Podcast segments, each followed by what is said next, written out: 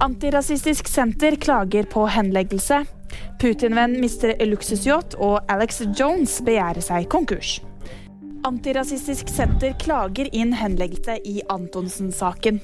Sumaya Jirde Ali anmeldte komiker Atle Antonsen etter at han på utestedet Bar i Oslo skal ha sagt at hun var for mørkhudet til å være der.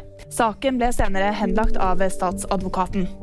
I klagen til Antirasistisk Senter står det at påtale bør tas ut. Putin-venn mister luksusyacht. Putins ukrainske oligarkvenn, milliardæren Viktor Medvedsjuk, ble pågrepet i april da han prøvde å flykte fra Ukraina. Nå er han i eksil i Russland, mens en rekke av eiendelene hans er beslaglagt og skal selges.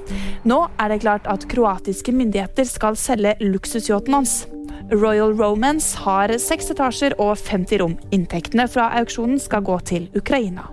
Konspirasjonsteoretiker og radiovert Alex Jones har begjært seg konkurs. Det melder Reuters.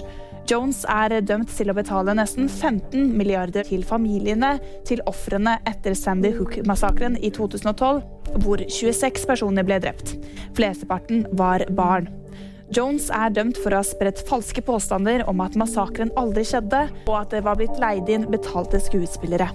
VG-nyheter fikk du av meg, Jiri Friis Edland.